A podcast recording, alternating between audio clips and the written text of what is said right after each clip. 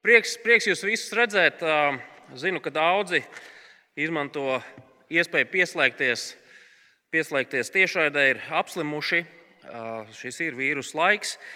Bet neskatoties uz neko, mēs savukārt varam vaļā pirmo Jāņa vēstuli, mēs lasīsim no pirmās Jāņa vēstules 4. nodaļas, sākot ar 7. pantu, un mēs lasīsim līdz pat nodaļas beigām. Pirmā Jāņa vēstule, 4. nodaļa, sākot ar 7. pantu. Mīļotie, mīlēsim citu citu, jo mīlestība ir no Dieva. Un katrs, kas Dievu mīl, ir piedzimis no Dieva un Dievu pazīst. Kas nemīl, nepazīst Dievu, jo Dievs ir mīlestība. Tā ir atklājusies Dieva mīlestība jūsu vidū. Dievs savu vienpiedzimušo dēlu ir sūtījis pasaulē, lai mēs dzīvotu caur viņu. Šī ir mīlestība. Nevis mēs esam mīlējuši Dievu, bet Viņš ir mīlējis mūs un sūtījis savu dēlu izlīgumu par mūsu grēkiem. Mīļotie, ja Dievs mūs tā ir mīlējis, tad arī mums pienāks citam citu mīlēt. Dievu neviens nekad nav redzējis.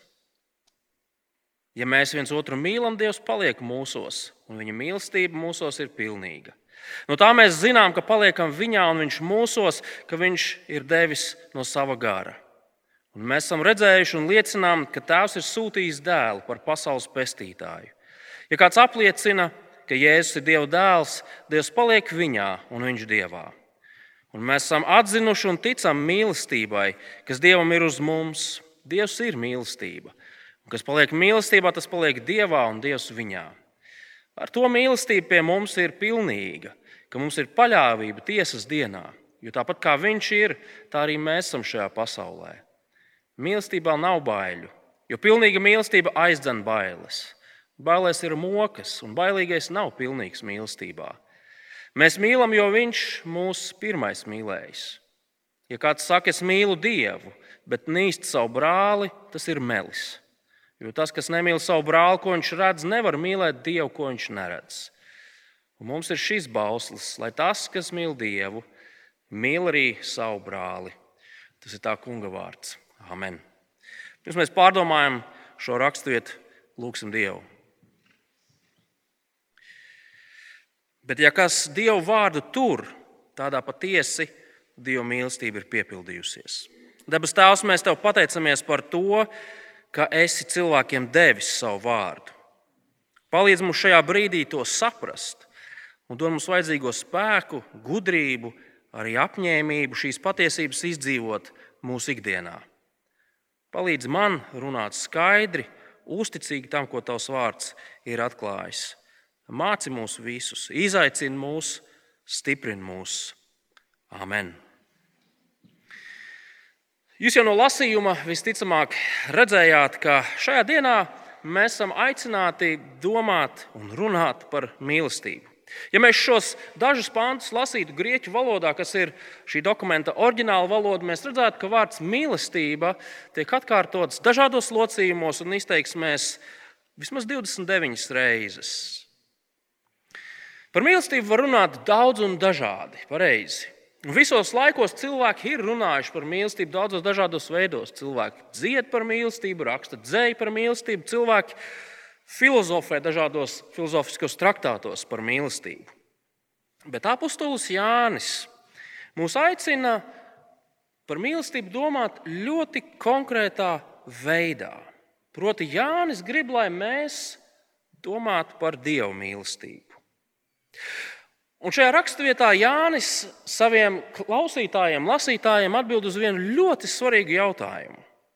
Vai tu esi drošs, ka Dievs tevi mīl?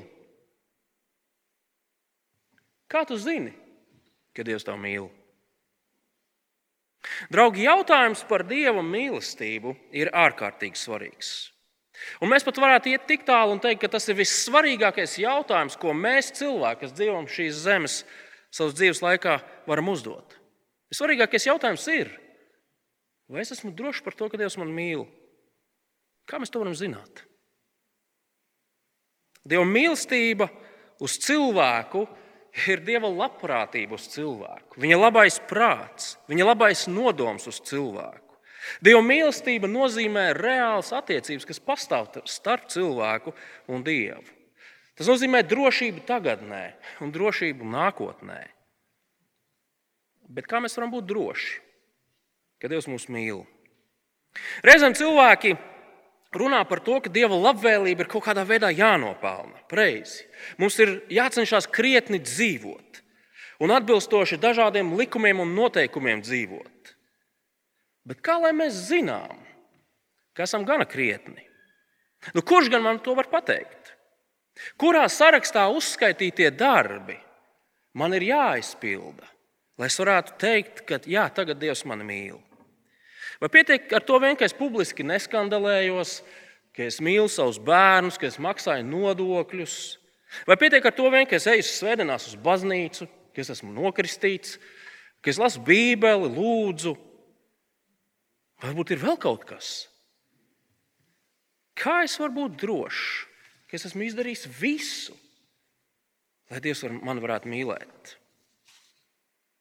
Reizēm cilvēki apzinoties savas dzīves kļūdas, savas paša nepilnības, saka, es zinu, ka es nezinu, vai Dievs vispār man varētu mīlēt. Tās lietas, kuras es savā dzīvē esmu darījis, kā es esmu sāpinājis citus, kā es esmu, piedodiet, sačakarējis pats sev dzīvi. Tā cilvēka kā mani Dievs nevar mīlēt. Ir kā ar to vien nebūtu gana Ir ļaudis, kas laiku pa laikam uzrādās un saka, lai Dievs tevi mīlētu, tev ir jāizdara kādas īpašas lietas, tev ir jāiegūst kādas īpašas zināšanas. Nāc pie mums, mēs tev parādīsim. Un šādi vārdi mūsu jau tā nedrošās dvēseles dzen ar vien lielākā un lielākā izmisumā. Kā mēs varam zināt, ka Dievs mūs mīl? Vai Viņš vispār mūs mīl? Pārliecība par Dieva mīlestību uz mums ir ārkārtīgi svarīga. Un tieši tas ir tas jautājums, uz ko Jānis šajā raksturvietā atbild. Jānis vēlas vairot kristiešu drošību, paļāvību un pārliecību par to, ka Dievs viņus mīl. Mēs varam nešaubīgi zināt to, ka Dievs mūs mīl. Tā ir pati labākā vēsts uz vissvarīgāko jautājumu, ko mēs varam šajā pasaulē saņemt. Mūsu priekšā esošajos pantos Jānis runā par dieva mīlestības objektīvo, neapšaubāmo pamatu. Bet no šī objektīvā pamata, no šīs neapšaubāmās patiesības, izriet mūsu mīlestības pienākums. Un mēs redzēsim, ļoti interesantā veidā mūs stiprina ne tikai zināšanas par objektīvo patiesību, bet arī šī pienākuma izpilde mūs stiprina mūsu pārliecinībā par Dieva mīlestību. Tā ir kā tādas vienas monētas divas puses. Tad nu veltīsim dažas minūtes aplūkojot katru no šīm monētas pusēm. Mūsu pamats, jeb mīlestības pamats, ir tas, ka Dievs mūs ir mīlējis. Vēlreiz ieskatieties, kā sākās šī raksturvieta, 7. un 8. pants. Mīļotie, mīlēsim cits citu, jo mīlestība ir no Dieva. Un katrs, kas Dievu mīl, ir piedzimis no Dieva un Dievu pazīst. Kas nemīl, nepazīst Dievu, jo Dievs ir mīlestība.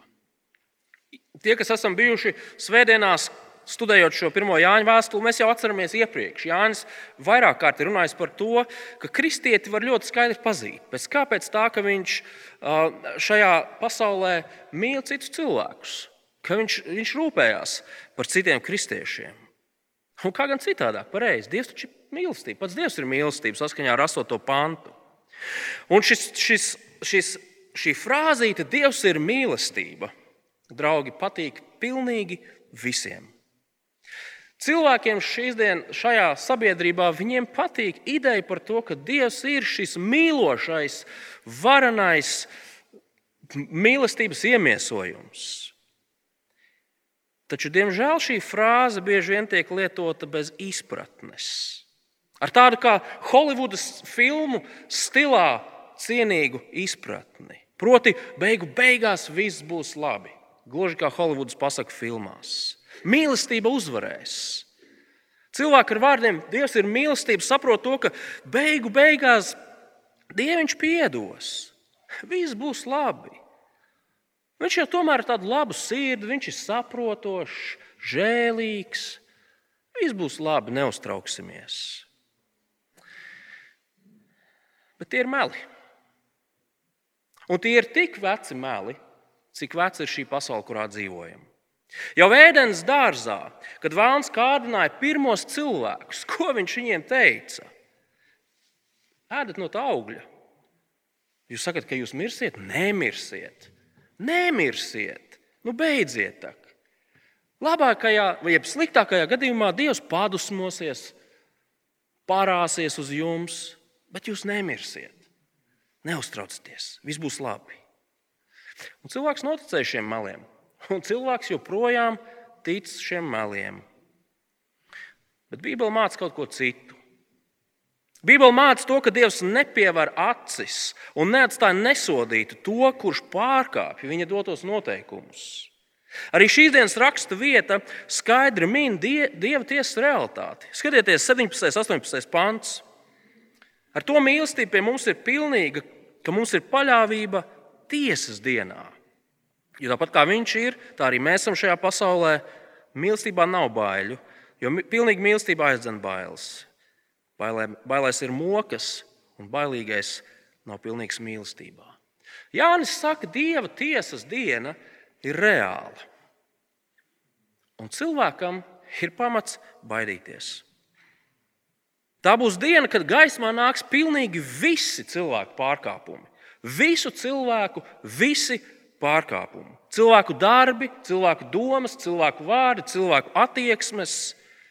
Un sakiet, kurš gan no mums tajā varenajā dienā gribētu stāvēt Dievu priekšā un dzirdēt Dievu lasām šo garo sarakstu ar mūsu pārkāpumiem? Un kurš no mums varēs bilst kaut vārdu? Tā ir biedējoša diena. Mums pienākas bīties Dievu, jo Dieva spriedums ir absolūti taisnīgs, absolūti pilnīgs un galējs. Cilvēks, kurš nebīstas Dievu, ir traks. Viņam liekas, ka viņš ir drosmīgs, vicinot dūri pret Dievu, bet patiesībā viņš ir muļķis. Viņš nesaprot, ko viņš saka. Tas līdzinās um, mazam bērnam, kurš citiem bērniem lielās ar to, ka viņam no kā nav bail. Un tad viņš aiziet ciemos, un tur koridorī sēž kaķis, kurš pēkšņi pielas kājās uzšņāts, un tad visa drosme saskrien biksēs. Bet Jānis saka, ka tiem cilvēkiem, kuriem ir mīlestība, no tiesas dienas nav jābaidās. Vai jūs redzējāt šajos pantos? Pilnīga mīlestība dod paļāvību. Pilnīga mīlestība aizdzen bailes.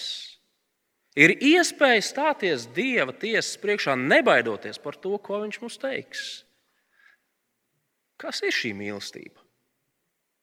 Tā ir mīlestība, ko Dievs ļoti skaidri parādīs cilvēkiem. Šeit parādīs ļoti konkrētā un nepārprotamā veidā. Skatieties, 9. un 10. pantā. Tā ir atklājusies Dieva mīlestība mūsu vidū. Dievs savu vienpiedzimušo dēlu ir sūtījis pasaulē, lai mēs dzīvotu caur viņu. Šī ir mīlestība. Nevis mēs esam mīlējuši Dievu, bet Viņš ir mīlējis mūs un sūtījis savu dēlu izlīgumu par mūsu grēkiem. Ziniet, Dieva mīlestība atklājās kādā konkrētā vēsturiskā notikumā. Dievs sūtīja savu dēlu pasaulē. Kāpēc viņš sūtīja dēlu? Vai Jēzus nāca šajā pasaulē, lai gudri mācītu cilvēkus, kā dzīvot? Vai Jēzus nāca šajā pasaulē, lai cilvēkiem atklātu kaut kādas noslēpumainas zināšanas par to, kā iegūt dzīvības eliksīru? Nu, netaču. Jēzus nāca šajā pasaulē, lai dāvātu dzīvību. Ko tas nozīmē? Tas nozīmē to, ka ik viens cilvēks pēc savas dabas ir vainīgs Dievu priekšā. Tādi mēs esam, tad, kad mēs piedzimstam. Un mūsu vaina ir skaidri redzama tajā, ka mēs savā dzīvē nedzinamies pēc Dieva. Mēs nepildām to, ko Viņš ir teicis. Mēs nedzīvojam tā, kā Viņš ir atklājis. Vai ne? Tā ir. Nebūsim naivi. Un šādas attieksmes un dzīvesveida dēļ neticības dēļ mēs esam pelnījuši pēc dabas Dieva taisnīgo sodu - nāvi. Jēzus saka, mēs neesam mīlējuši Dievu. Bet Dievs savu mīlestību pasaulē, Dievs sūtīja savu dēlu pasaulē, lai cilvēkiem būtu iespēja dzīvot. Un šī dzīvība ir iespējama tikai un vienīgi tādēļ, ka Viņš, proti, Dieva dēls Jēzus Kristus, bija izlīgums par mūsu grēkiem. Izlīgums nozīmē to, ka mūsu, mūsu pārkāpums un sots ir nolīdzināts. Tas nozīmē, ka kāds cits mūsu vietā paņem un apmaksā to soda kvītu, ko mēs esam saņēmuši. Tas nozīmē, ka kāds cits cietumnieka vietā dodas izciest cietumsodu. Mēs esam saņēmuši atdošanu, mēs esam saņēmuši attaisnojumu. Jēzus krusta nāve apmierina Dieva taisnību. Dieva mīlestība iegūst jēgu tikai tad, kad mēs saprotam to, ka Dievs ir taisnīgs tiesnesis. Kā tad Dievs ir parādījis savu mīlestību? Atdodot savu pašu dārgāko, kurš mūsu vietā izcieta vislielāko iespējamo sodu. Un, draugi, ja Dievs nebūtu parādījis savu mīlestību šādā veidā, mums nebūtu dzīvība, mums nebūtu drošība, mums būtu jādzīvo bailēs. Tā nu mēs redzam, to, ka Dieva mīlestība nav nekas abstrakts. Tas nav kaut kāds pūkains, zaķīts, eklēri, puķu pušķi. Nē, tas ir reāls notikums, kas norisinājās pirms 2000 gadiem Jeruzalemē. Dieva mīlestība ir objektīva. Tā ir noteikta, tā ir nemainīga. Tā balstās Jēzus Kristus krusta nāvē. Cik, cik, cik ļoti mēs par to domājam? Un tad, kad mēs par to domājam, vai mēs apzināmies šīs patiesības grandiozo dabu, Dievs mums nepelnīti ir dāvājis kaut ko neizmērojamu. Pēc taisnības mēs visi bijām pelnījuši to, kas notika ar Dieva dēlu, kurš nāca šajā pasaulē. Bet tagad, tagad Dievs mums ir dāvājis žēlastību. Vai esat dzirdējuši dažādus reālus stāstus par to, kā cilvēki dažādās briesmās atdod savu dzīvību, savu, savu mīļo cilvēku labā, lai izglābtu citus? Pirms kāda laika es lasīju tādu īsu rakstīnu par puisīti. Nu, viņš bija maziņš, nezinu, varbūt desmit gadi, varbūt pat jaunāks. Un viņu smagi sakropļoja suns, kurš uzbruka viņam vēl, vēl mazākam brālītim. Un šis puika izglāba savu mazo brālīti pats ciešot ļoti bīstamus savainojumus. Mēs varam lasīt par vecākiem, kas ir gatavi dot savu dzīvību, lai pasargātu un izglābtu savus bērnus pareizi. Pēdējos mēnešos mēs, mēs varam dzirdēt un lasīt par ukrāņiem, kas frontes līnijā cīnās ar ienaidnieku. Kāpēc viņi to dara? Lai aizsargātu savus mīļotos, savus sievas, savus bērnus, savus vecākus, savus līdzcilvēkus. Liekas, tas jau bija vasaras sākumā, vai varbūt nedaudz vēlāk. Mēs draudzē vācām ziedojumu, lai varētu iegādāties bruņu vestes Ukrāņu mācītājiem, kuri riskējot ar savu dzīvību, devās uz frontes līnijā, dzīv, pie frontes līnijā dzīvošiem cilvēkiem, lai sniegtu humanitāru palīdzību, garīgu stiprinājumu. Mēs varam minēt daudzus līdzīgus piemērus, pareizi. Mēs esam gatavi atdot ļoti daudz no sevis, lai izglābtu to, kas mums ir mīļš un dārgs. Tā ir patiesība. Bet patiesība ir tā, ka Jēzus par mums nenomira tāpēc, ka mēs bijām viņam tuvi un dārgi. Mīļi cilvēki, kas darīja labas lietas. Un tas jau ir tas paradoks. Kristus par mums nomira tad, kad mēs vēl bijām grēcinieki, dieva ienaidnieki, sava labuma meklētāji. Jēzus nomira par nemīlamiem cilvēkiem. Bet viņa nāve mūs ir padarījusi par Dievam vismīļākajiem cilvēkiem, par Dieva bērniem. Un mums nekad vairs nav jābaidās no Dieva tiesas, elles, soda, Dieva dusmām. Mums nekad nebūs no tā jābaidās. Nekad. Nekad. Nekad. Kristus dēļ. Ak, cik brīnišķīga ir šī Dieva parādītā mīlestība. Cik tā ir dārga. To saprotot, mēs varam, mēs varam tikai slavēt Dievu. Nu, ko mēs varam pateikt pareizi? Mēs varam pateikties Dievam. Mēs esam aicināti to darīt katru dienu, ceļoties no rīta, ejot vakarā gulēt. Dievs mūsu Kristus dēļ mīl. Mūsu labie darbi, mūsu sliktie darbi, nekas nevar mainīt šo Dieva mīlestību uz mums. To nevar mazināt, to nevar atcelt. Dieva mīlestība ir mūžīga un nemainīga, drošība un prieku dodoša. Un tas mūs noved pie otrās lietas, ko Jānis šeit māca. Un runa ir par to, ka zinot par šādu dieva mīlestību, mums pienākās mīlēt citam citu. Skatieties, ko Jānis saka 11. pantā. Mīļotie, jo Dievs mūs tā ir mīlējis, tad arī mums pienākas citam citu mīlēt. Dievs mūs aicina mīlēt. Viņš saka, ka tas ir mūsu pienākums. Vai skatieties, kā beidzās šī raksturvieta 21. pantā. Un mums ir šis bauslis, lai tas, kas mīl Dievu, mīl arī savu brāli. Pienākums un pavēle mīlēt. Mūsu laikmeta ļaudīm tas skan tā dīvaini, pareizi. Nu, kā var pavēlēt mīlēt? Un atbildi ir elementāra, ja mēs saprotam, ko nozīmē mīlēt. Ja mēs saprotam, kas mīlestība vispār ir. Redziet, mūsdienās bieži vien cilvēki primāri, es nesaku vispār vai vienmēr, bet primāri ar mīlestību definē kaut ko, kas ir saistīts ar emocijām, ar jūtām. Un, un tas nosaka to, kam mēs palīdzam, kam mēs teiksimies talkā. Mēs palīdzam tiem, ar kuriem mums kopā ir labi, ar kuriem saskan, ar kuriem ir kaut kas kopīgs, pareizi. Tie cilvēki, kuriem mēs dabiski gribam pavadīt laiku. Un tas ir normāli. Mēs nesakām, ka tas ir nepareizi. Taču Bībele mūs mudina domāt par to, ka mīlestība primāri ir nevis emocijas vai sajūtas, bet gan darbi. Darbi, kas ir vērsti uz otra cilvēka glābšanu, izaugsmi, labklājību, prieku, celšanu. Galējā izpausmē šādus mīlestības darbus iemieso Kristus, kurš deva savu dzīvību lai mēs varētu dzīvot. Un tādēļ, ja mēs zinām to, ko Dievs ir darījis mūsu labā, mūsu pienākums ir mīlestības darbus darīt citiem kristiešiem, un ne tikai kristiešiem. Jā, arī tiem, ar kuriem dabiski mums nesaskan. Arī ar tiem, kas liekas jocīgi. Arī tiem, kurus mēs nu, galā, galīgi nevarētu iztēloties kā savus draugus vai paziņas. Es gribu jums visiem mest, un arī pats sev izaicinājumu. Kādēļ gan neapņemties nākamo nedēļu laikā pēc dievkalpojuma pieiet pie kāda, ar kuru jūs nekad iepriekš neesat runājuši?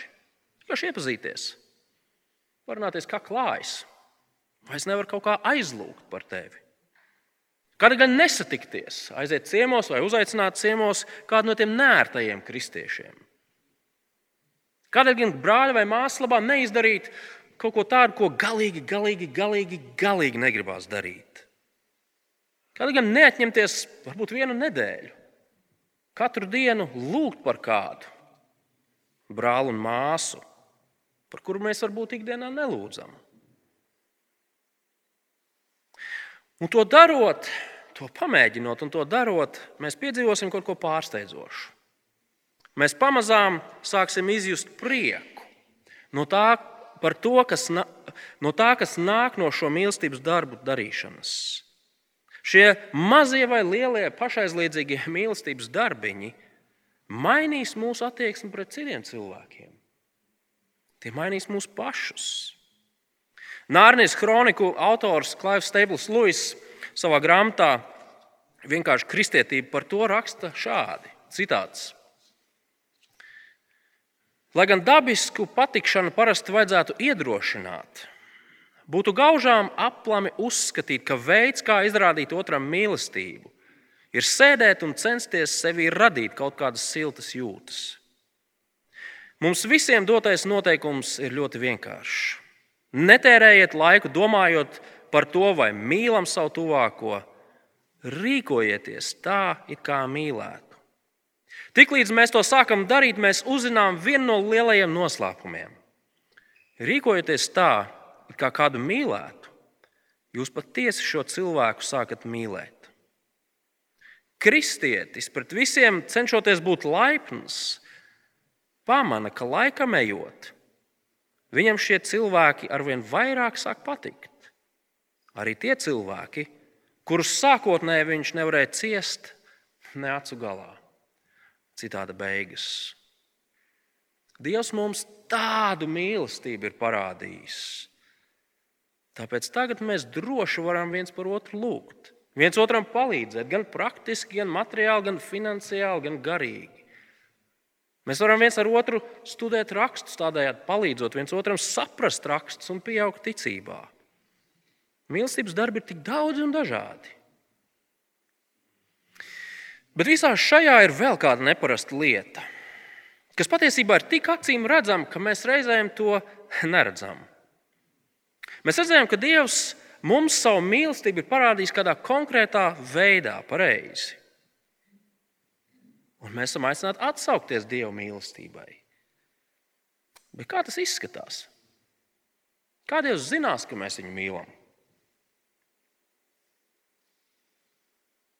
Skatieties, 11. pantā.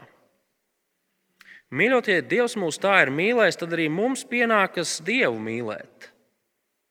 Tā tur ir rakstīts, nē, tā tur nav rakstīts. Mīļotie, ja Dievs mūs tā ir mīlējis, tad arī mums pienākas citam citu mīlēt. Mēs, draugi, mīlam Dievu, tad, kad mēs mīlam citus. Mēs atsaucamies un atbildam uz Dieva mīlestības darbu ar mīlestības darbiem, kurus mēs veicam citu, citu labā. Nu, piemēram, kā izskatās mīlestība pret, pret manu sievu? Iespējams, kāds teiks, ka nu, tava mīlestība ir tāda nepilnīga. Un, ja jūs tā sakāt, viss ir kārtībā, es neapvainojos. Tiešām tā ir. Bet, ja nopietni, tad es savu mīlestību pret savu sievu varu paust daudzos dažādos veidos. Bet viens no veidiem, kā es to cenšos izrādīt, ir rūpējoties par viņas bērniem. Nu, tie ir arī mani bērni, un es viņus tāpat mīlu, un viss ir kārtībā. Bet tā tas ir. Ja es rūpējos par to, kas viņai ir svarīgs, viņa zina, ka tas vecis viņu tomēr mīl. Ja mēs par to padomājam, tad tas ir loģiski, pareizi. Kā gan mēs varam mīlēt Dievu, kuru kaut vai tīri fiziski mēs taču neredzam? Viegli ir teikt, ka mēs mīlam Dievu, bet ko gan tas nozīmē? Un tieši tas ir tas, ko Jānis uh, min 20. pantā. Ieskatieties, ja kāds saka, es mīlu Dievu, bet nīst savu brāli, tas ir melis. Jo tas, kas nemīl savu brāli, ko viņš, ko viņš uh, nevar redzēt, nevar, ko viņš redz, nevar mīlēt Dievu, ko viņš neredz. Ja saki, ka tu mīli Dievu, ka tu esi kristietis, tad tam ir jābūt redzamam.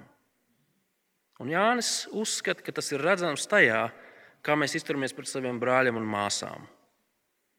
No vienas puses, tas ir tāds stingrs izaicinājums un aicinājums mums katram izvērtēt, vai mēs ar saviem darbiem atbalstojam to, ko mēs sakām. Un tas ir patiešām labs izaicinājums. Es reizēm saviem bērniem saku, pirms ieskaitēm un pārbaudas darbiem, neuztraucieties par saviem ieskaites darbiem un pārbaudījumiem. Kāpēc? Tāpēc, ka tie atklās to, ko jūs nezināt. Un tā ir laba, nevis slikta lieta, tāpēc, ka zinot to, ko jūs nezināt, Jūs varat mērķiecīgi strādāt pie šīm lietām pareizi, lai nākamreiz jūs to zinātu un varētu izdarīt. Un līdzīgi arī šajā brīdī, ja Jāņa vārdi mums liek paskatīties uz grīdu, uz saviem purngaliem, paldies Dievam, ka tā. Mums ir iespēja mainīties, kļūt labākiem. Taču vienlaikus paturēsim prātā to, kas bija Jāņa sākotnēji lasītāji. Jānis raksta šos vārdus cilvēkiem, kuri šaubījās par savu ticību. Viņi šaubījās par to, vai viņi ir dievam pieņem, pieņemami. Šādiem cilvēkiem 20. pants ir nevis izaicinājums, bet iedrošinājums. Kāpēc? Tāpēc, ka Jānis viņiem raksta kontekstā, kur, kur, kur viņus ir apstājuši šie viltus skolotāji. Un Jānis nedaudz pārfrāzējot to, ko mēs jau arī zinām no šīs vēstules, viņš saka, tie cilvēki, kas jūs kritizē, tie cilvēki, kas, kas sakās, ir īpašās attiecībās ar Dievu, viņi taču jūs nemīl. Viņi nemīl citus, viņi nemīl brāļus un māsas.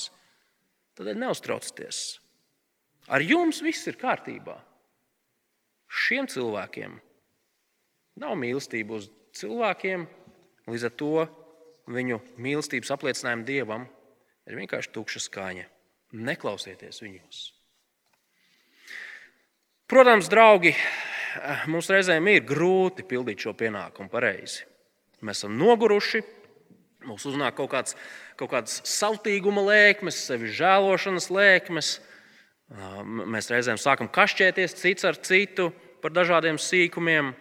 Mēs sākam savā sirdī laist tādu rūkuma sakni, vai nu pret draugu, vai pret kādu atsevišķu kristieti. Un liels jautājums, ko tādos brīžos darīt? Mēs zinām, ka tas nav pareizi, bet ko darīt?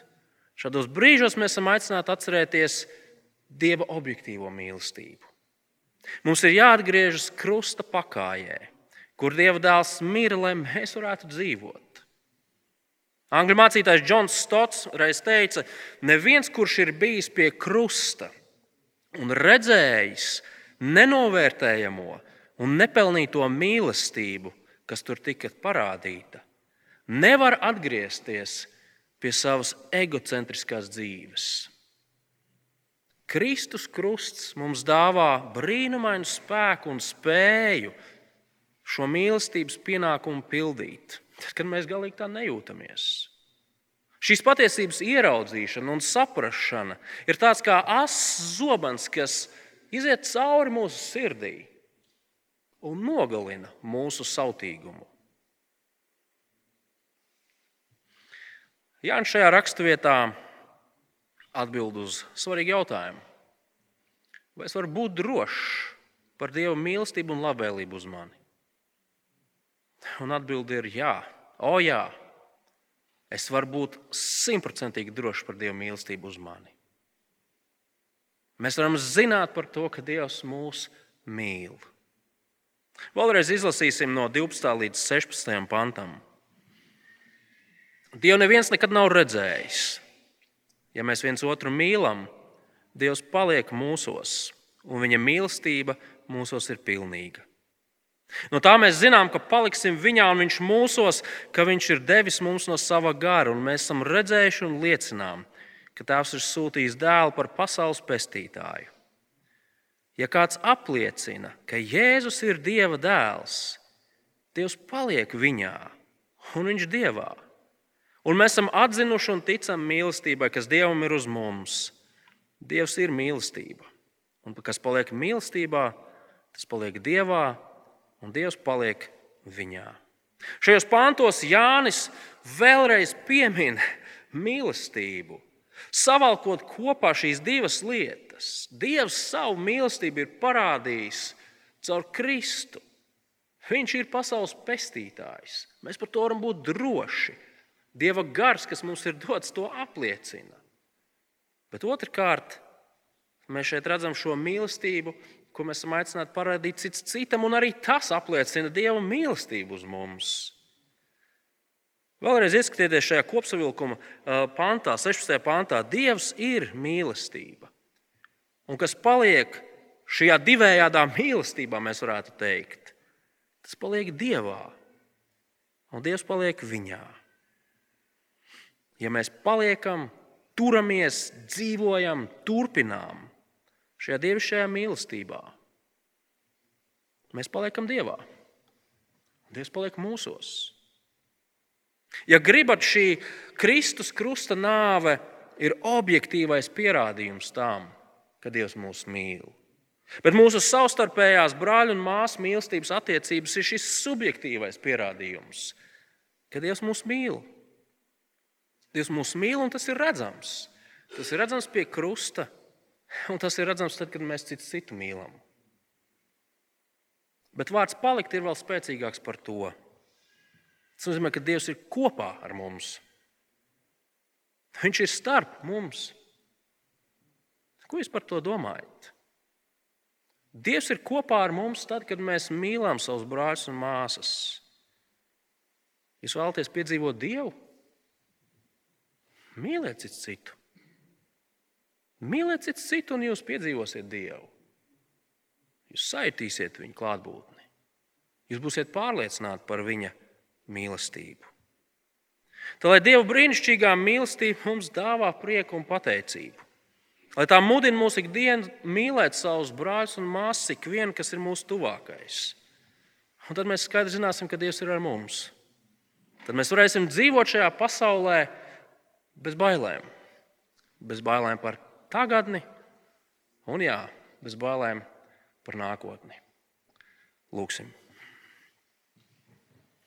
Dabas tās mēs patiesi pateicamies, ka tu tā esi mīlējis mūs.